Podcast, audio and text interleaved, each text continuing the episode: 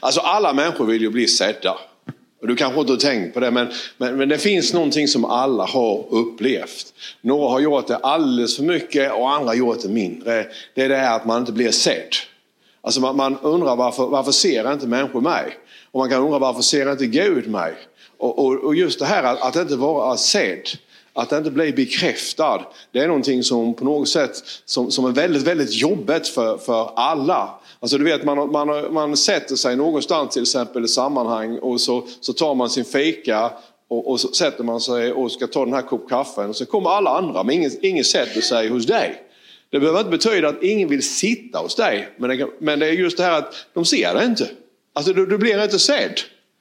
Och, och det här är ju oerhört viktigt i, i en församling. Det här är viktigt i alla sammanhang. Att, att alla människor får bli sedda.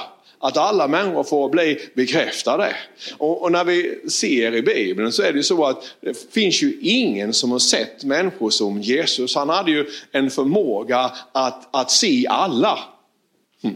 Alltså det finns ju ett sammanhang när han är hembjuden till, till, till ett, ett fint ställe då va. Och helt plötsligt så, han heter Simon den här killen, alltså inte lärjungen, han heter Simon. Säger Simon, ser du kvinnan? Alltså har du överhuvudtaget sett henne? Han såg henne inte. Att hon ens var där, ser du kvinnan? Och, när jag läste till lärare så, så var det forskning också på det här. Då, då tror jag inte det är riktigt likadant idag, men då var det tjejer då. Så, som, när man kom som lärare då på morgonen så prickade man av så att alla var där. Men när dagen var slut så kunde inte läraren alltid riktigt svara på om just den här personen hade varit där. Därför att några som inte blir sedda, de kan vara som jag, om inte jag blir sedd så ser jag till att människor ser mig. Och det är inte de vi ska tala om idag nu. Utan vi ska tala om, om dem då, alltså när, när de människorna inte blir sedda då, så försvinner de. Vilket gör, alltså det var ofta tjejer då, de hade en förmåga att, att de blev ett med väggen. Så de, de, de sågs inte, de fick inte den hjälp som de skulle ha. Och eh, I Bibeln så finns det människor faktiskt, som vi ska läsa om, jag ska läsa ett längre stycke nu, så människor som inte blev sedda av människor. Men tack och lov, det här är ett positivt budskap att även om inte människor ser dig så finns det någon som ser dig i alla fall och det är Gud. Ja, och det, det är kanske eh, och det är en tröst ändå i alltihop detta här. Även om vi vill, vi är skapade för att leva tillsammans med människor. Så vi ska gå in här vid i, eh, i eh, första Mosebok. Då. Det här är ju en gammal, gammal berättelse. Och jag vill läsa från den här berättelsen därför att du ska se här vid att man har inte alltid man har sett, man, man har sett den här utifrån ett perspektiv som är ganska märkligt. Därför att det här är ju utifrån många predikningar så brukar man tala om en, en kärlekshistoria, om en våldsam förälskelse. Men du vet att om det här är en fin kärlekshistoria eller inte, det beror faktiskt på vilkens perspektiv som man har när man läser berättelsen. Och då står det här vid då eh, ifrån eh, eh I kapitel 29 så står det då om eh, eh, du är min släkting, ska du arbeta med mig för ingenting så säg vad du vill ha. Därför att det som hade hänt här, vid då, det fanns en kille som hette Laban, kan du säga Laban? Ja, alltså, det, det, här är länge, länge sedan, jag kan inte gå in på det här. Men, men det var alltså, och sen så fanns det en kille som hette Jakob då. Abraham, Isak och Jakob då. Det här är ju sådana här patriarker kallar vi dem. Det är människor då som ligger som grund för gamla testamentet. Gud han kallade Abraham och Abraham födde Isak och Isak födde då Jakob och Esau. Den ena var luden och Esau kom först och Jakob tvåa. Men av Jakob då så bildas de tolv stammarna och de tolv stammarna är en förebild på de tolv apostlarna. Men, men, men, i alla fall så, så Jakob då, han hade kommit i den åldern att han skulle gifta sig. Och på den tiden så gifte man sig inom stammen. Alltså inom släkten egentligen. Vi hade ju ettor här i Sverige. och Så är det i Afrika fortfarande. Du gifter dig inte utanför stammen. Idag har det kanske ingen betydelse. Men då hade det en betydelse. För det handlar om, att, om en överlevnad, om ett beskydd. Så man skickar ju honom norrut då. Där bodde släktingen Laban. Så man, han, han, ja, man, skickade alltså eh, Jakob då för att han skulle hitta någon där uppe bland sina släktingar. Och det gjorde han också. Det fanns en kvinna här vid som hette Rakel.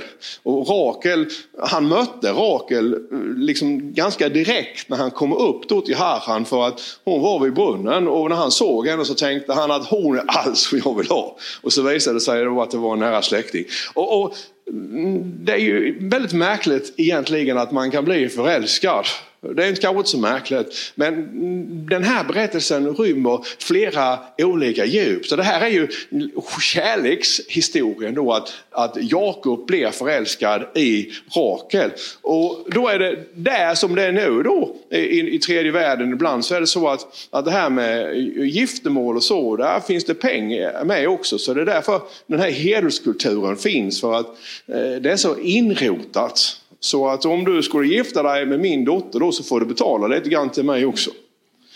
Och så är det ju inte längre idag, men, men så var det då. Och, och, det här var, det var inget konstigt då. Det var inget konstigt att man hade flera fruar heller. Det har varit konstigt idag, men där handlade det om överlevnad. Det, hade, hade, det var så hårt livet då.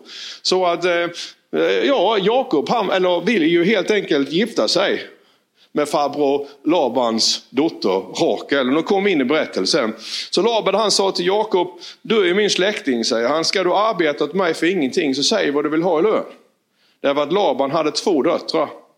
Den äldre hette Lia, kan du säga Lia? Och den yngre Rakel. Och Lias ögon var matta, men Rakel var välväxt och vacker att se på. Alltså här har vi ju redan, så gör man en skillnad här mellan två syskon. Va? Hennes ögon var matta. Det kan ju betyda många saker kanske, men framförallt betyder det då att hon såg kanske inte så mycket. Och då minskade hon också i värde som fru. Därför att här, man kunde inte gå till optikern för några tusen år sedan. Utan om ögonen var matta så innebar det att man hade väldigt, väldigt dålig syn. Och det var ju förringat med fara då. För man kunde kanske inte utföra alla de sysslor som man skulle göra. Men Rakel däremot, du vet, hon var en sån som alla killar visslar efter. är, är du med mig? Det, det, det, är ju så va. Hon, hon, var hur snygg som helst och det kändes nästan som att Rakel hade fått allting och Lea hade inte fått någonting. Och Lea blev inte gift heller då. Och så säger Jakob älskade Rakel, därför sa han, jag vill arbeta åt dig i sju år för Rakel. Det, det är lång tid att arbeta för sju år. Tänk om någon skulle komma hem till mig och säga, Tommy, jag är beredd att jobba sju år för dig för att få Rebecka. Så hade jag sagt, du kan börja imorgon. nej, men, nej, men, och, och eh, Rebecka hade stängt dörren och sagt upp kontakten. Men i alla fall, Laban svarade, det, det, det är bättre att jag ger henne till dig än till någon annan. Så stanna kvar hos mig. Så arbetade Jakob i sju år för Rakel. Men för honom var det bara som några dagar eftersom han älskade henne. Ja, man kan älska livet av sig också. När tiden hade gått så sade Jakob till Laban, ge mig nu min hustru för nu är tiden inne. Och låt mig gå in till henne. Då samlade Laban all folket på orten och ordnade en fest. Men när kvällen kom så tog han sin dotter Lea och förde henne till henne och han gick in till henne. Alltså det är ju så, man hade druckit, det där som jag säger, om man aldrig dricker alkohol så kan man aldrig bli full. Och hade eh, Jakob varit nykter så hade nog inte det här hänt. Och så tänker hur kunde det här ske? Ja, det fanns ju ingen elektricitet på det sättet. Alltså, man bodde ju oerhört enkelt, ni måste förstå det här. Och det var beckmörkt på kvällen. Och Laban han hade ju sett till att eh, liksom Jakob han var ju så full så han såg inte skillnad på någonting. Han kunde lagt bara för någonting i sängen höll jag på att säga. Men, men eh, är du här idag? Alltså, det här är ju Bibeln. Men det, det är så att när man är bland frikyrkokristna så blir de väldigt fina i kanten. De blir mycket, mycket finare i kanten än Gud är.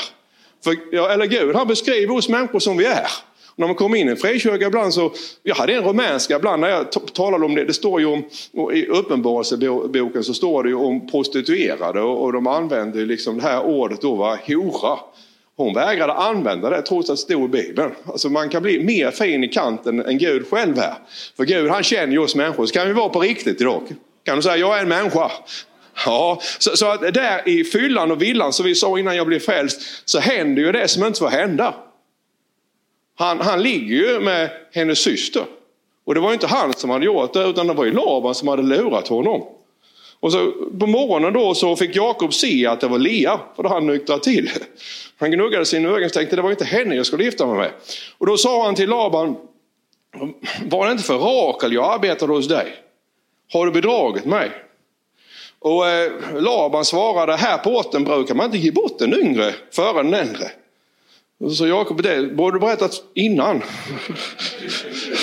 ja, det, det, är liksom vänta sju år med att tala om det. Sådär, va? Men, men fullfölj nu Elias bröllopsvecka. Sedan ska jag ge dig den andra också mot att du arbetar för mig sju år till. Det är alltså att arbeta, och då tycker folk det här är en fantastisk kärleksberättelse. Tänk att han arbetade 14 år för att få Rakel. Så Jakob gick med på detta och fullföljde hennes bröllopsvecka. Och sen fick han lite bihustru och så här va. Och sen står det så här då i vers 31. Och sen sist fick han gifta sig med Rakel, så vers 31. Men när Herren såg, då kan du säga, men när Herren såg. När Herren såg att Lea var för så gjorde han henne fruktsam. Alltså, han gjorde så att eh, Lea hon blev gravid, liksom, bara man tänkte på att man skulle sova över hos Jakob på natten. Han gjorde henne fruktsam. Och det jag menar här var att det här är ju å ena sidan en, en fantastisk källsberättelse om man ser på den utifrån Rakels perspektiv. Hon var den snygga dottern, hon var den som alla ville gifta sig med. Och tänk, när man tar det från det perspektivet då, att Jakob han var beredd att arbeta i 14 år för att få gifta sig med Rakel. Men om man vänder på det och ser man berättelsen utifrån Leas perspektiv. Eller hur? Alltså, hur, hur kändes det för Lea för det första att det inte var gift? Och, och, för det andra så var det så att Lea var, det var ingen som såg Lea. För när man kommer in i byn då så såg ju alla Rakel. Lea hon på något sätt försvann in i hudväggen bland halmen. Alltså ingen såg Lea överhuvudtaget utan alla såg Rakel. Och det var ju det som Jakob också gjorde. Han såg ju bara Rakel. För ingen, hon var inte sedd. Alltså Lea var inte bekräftad. Utan hon var den äldre systern som inte blev gift. Och som, som hennes ögon var matta. Och hon hade en del löjte så det var ingen som ville ha henne. Så när man, när man ser den här berättelsen utifrån Leas perspektiv så får den ju en helt annan klang, eller hur?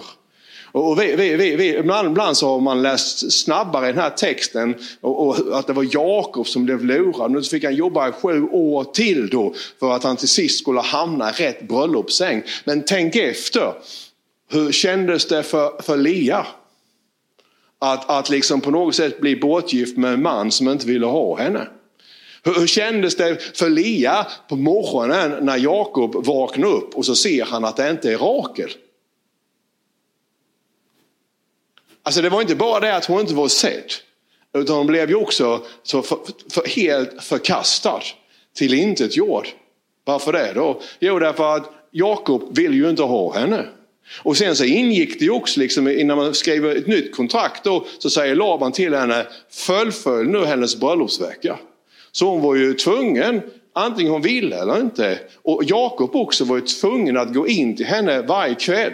Trots att Jakob önskade att det var Rakel som låg i sängen och inte Lea. Så, så det, det, här är ju det här är en berättelse som, som Gud han beskriver, som han ger oss. Därför att så här är ju verkligheten, kanske på ett annat sätt, men för många människor. De är inte sedda. Man räknar inte de som har något värde. Och här i vår värld då så, så många gånger det är människor som ser bra ut och de människor som, som har pengar och så på något sätt. Det är många gånger de människorna som vi lyfter upp. Och vi, vi ser inte den lilla människan. Och de har inget värde. Men det är därför som det är så underbart, för då står det i Bibeln, eller hur? Men Gud, halleluja, han såg Lia. Gud såg inte Rakel, han såg Rakel också självklart, men Gud såg Lea. Gud såg Leas hjärta. Gud såg Lea som människa. När, när Gud såg Lea så försvann hon inte in i väggen, utan han såg henne som människa. Och det är det jag menar, att, att, kanske några av er som är här eller som tittar nu, alltså du, du har upplevt det här, alltså det är ingen som ser mig. Jo, så är det Gud, han ser dig. Och, och den här berättelsen, när den går vidare sen så visar det sig att, att, att det är ju Lea då som blir gravid då först med Ruben och sen med Simon. Alltså Ruben det var den förstfödde. Alltså det, det, det var något stort i den här kulturen att den förstfödde är alltså den äldste sonen. Men inte nog med det utan det är ju Lea som får föda fram Levi. Och vem var Levi säger du då? Jo, Levi det, var, det är ju prästerskapet. Alltså det, det är ju översteprästen kom ifrån Lea. Men inte bara översteprästen kom från Lea, utan Lea födde också Juda. Lejonet av Juda, av Judas stam skulle konungarna komma, av Judas stam kom Jesus. Amen. Kan du se detta här? Så att ingen såg Lea, men Gud såg Lea. Han hade en plan för hennes liv. Amen. Och trots att Jakob kanske inte ville det så var det ändå på det sättet att utifrån Lea så kommer konungarna och prästerna och hon är en del av ledet till Jesus. Och därför så, så, så, måste du och jag vara liksom lite grann som, som, vi kan inte vara som Gud, men vi ska ha Guds perspektiv på människor. Så att vi, vi, vi, vi ser människor. Vi ska inte tillåta någon, någon att försvinna in i hyddan, eller hur? Även om de inte beter sig eller är lika smarta eller vad det är om det är lite annorlunda. Så, så när, när, vi ser med Guds ögon och ser på människor. Då måste vi se människan, eller hur? Och lyfta fram även det som andra människor inte ser. Kan du säga amen till detta? Ja, Okej, okay. då går vi vidare. Så ska vi läsa ifrån Jeremias bok också. Kan vi göra det? Slå till din granne och säg nu ska vi läsa från Jeremia. Ja, vad det här är bra va? Det står så här i eh, Jeremia kapitel 1 och det gäller dig också. Så står det att innan jag formade dig i moderlivet, alltså innan, innan du blev till, innan själva konceptionen, innan jag formade dig i moderlivet så utvalde jag dig. Och innan du föddes fram ur din mammas sköte så helgade det. Alltså han hade en plan, han har bestämt, han har avskilt honom. Jag satte dig till en profet på folket. Och nu, nu talar han ju typiskt som många skulle lika väl kunna vara svensk. Nu kommer jantelagen fram här, Jeremia. Så säger han, jag, jag förstår inte att tala, säger han, jag är för ung. Eller hur? Och, och, många gånger så är det så att Gud han har en kallelse på ditt och mitt liv. Men så tänker vi, jag ska inte tro att jag, jag är någonting. Hur kan du säga så Gud att du, du kallade mig innan jag blev född och att du har helgat mig och att du utvalt mig? Jag, jag har ju inte talets gåva. Alltså jag, jag, jag fattar ju ingenting. Jag, ibland, jag har ju varit många år som pastor och sett människor ibland som blir predikanter. Nu är inte kanske den kallelsen alla har, men första gången de har kommit upp så har de varit så, så nervösa så de har nästan skakat fram. Och, och det de har sagt då, det, det, var kanske vettigt så, men det var ju, var ju liksom inte en predikant. Men, men kallelsen har varit där i alla fall. Så när väl liksom eh, blygheten eller den här nervositeten har lagt sig så har det som Gud han hade på insidan, det har på något sätt mejslats fram. Och det är det jag menar, att det finns ju en kallelse på oss allesammans. Och, och ibland så är vi lite grann så här, men jag duger ingenting till och jag fattar ingenting och jag ska inte göra någonting. Men Gud han har ju kallat dig. Och den kallelsen finns ju på insidan. Och så säger han så här, jag vill bara att du ska se det här. Jag lägger mina ord i din mun. Kan du säga det? Jag lägger mina ord i din mun. Ja, och det, det, det, säger Jesus också, var inte oroliga när det blir trångt och när det blir trängda. Fundera inte så mycket över vad du ska säga, utan den helige ande ska tala i dig då. Jag sätter dig idag över folk och riken för att du ska rycka upp och bryta ner. Förgöra och fördärva bygga upp och plantera. Amen. Så, så här ser vi ju återigen då va, att Jeremia, han, han kände sig liksom som att han inte var värdig alltihop det här. Hade han kommit in i klassrummet så hade han satt sig längst ner och försvunnit in i väggen. Han, han, han, var inte sedd och han ville inte heller bli sedd. Han ville helst försvinna. Men då kommer Gud och säger till honom att du Jeremia, jag, jag ser nog att du sitter här nere. Du har tagit på dig, liksom, du försvinner in i vägen. Men du vet att innan du ens blev till så, så eh, tänkte jag på dig. När du var i din mammas mage där vid, alla mammor nu idag, så, så helgade jag dig och kallade dig. Och nu är det på det sättet att du har potentialen, vadå? Ja, att, att, att riva ner, att bygga upp. Eller hur? Att rycka upp och plantera nytt. Alltså den potentialen finns på insidan av dig. Och tänk om det är på det här sättet i våra församlingar emellanåt eller människor som vi möter. Att vi ser inte människorna. Vet, om du inte ser människorna så kan du aldrig se deras potential. En gång till. Om du inte ser människan så kan du aldrig se människans potential. Alltså, vi, vi, måste på något sätt se människan. Och jag, jag, vill att ni som lyssnar här, att, och du ska veta att även om vi kanske ibland i vår församling kan vara dåliga på att se människor, så finns det en som alltid ser dig och det är Gud. Och du, du som sitter hemma nu kanske tittar på sociala medier, så sitter du själv, det är ingen som ser mig. Gud, han ser dig.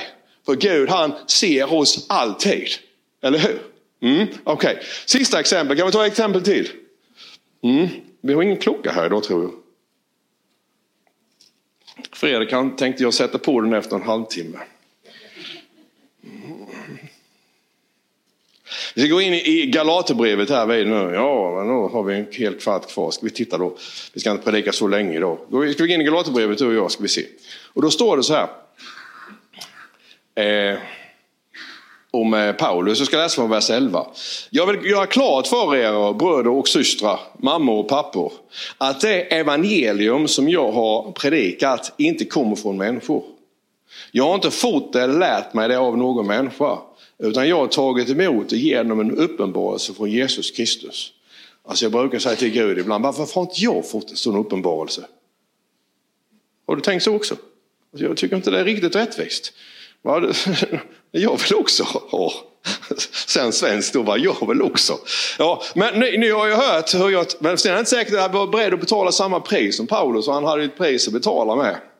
Men, men så är vi svenskar, vi vill ha utan att betala. Men ni har ju hört hur jag tidigare uppträdde som jude och hur jag ytterst våldsamt förföljde Guds församling och försökte utrota den.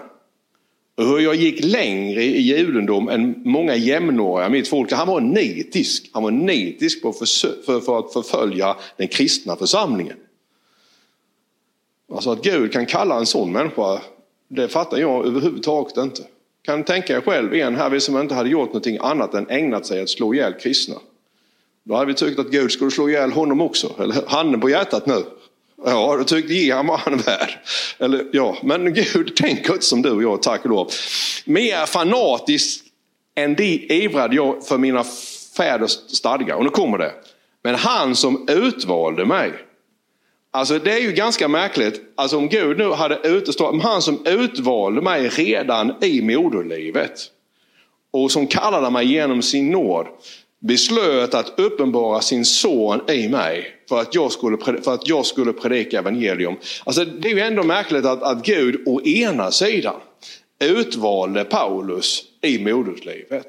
Och ändå så lät han allt detta här hända innan han en dag kallade på honom. Och jag, jag, jag, tar den här berättelsen för jag, jag vill liksom återspegla den på ditt liv. För ibland så kan vi tänka och tycka så här att, att Gud han ser ju mig inte. För han ger sig inte till känna. Alltså varför ska jag gå igenom alltihop detta här? Eller varför hände allt detta här? Jag har tänkt så personligen, alltså, all det som jag ställde till med vissa saker. Hade du kallat mig tidigare så hade inte dessa här sakerna behövt ske. Och jag, jag skulle kunna kanske blivit pastor tidigare så tycker jag att jag skulle ha hunnit mer nu. Men du vet att Gud han, han vet vad han gör. Han, han, har ju en tidsplan här och hans tankar är så mycket högre än dina mina tankar. Så, så vi, vi, kan ju tänka så också. va? Att Gud han ser mig inte. Jo men han såg ju Paulus. Ja eller nej, såg han Paulus? Ja, såg han. Jag, jag kallade det redan i moderslivet. Och han följde honom. Varje dag så visste han exakt vad Paulus var. Och Paulus visste inte om att Gud såg honom, men Gud såg honom. Så när tiden var inne, alltså när det var rätt tid. Så, så jag menar det att du kan säga att ingen ser mig Tommy, ingen fattar mig. Gud ser dig. Då säger jag väl också, tror jag, när tiden är inne, när tiden är inne så kommer Gud till att uppenbara sin son Jesus för dig. Så att du får tron i ditt hjärta och kan bli född på nytt och döpt i den helige ande. Det, det, det är det på något sätt som, som allting handlar om. Att, att Gud han, han kommer inte för sent. Utan Gud han, han kommer när det är dags. Han följer oss genom livets resa.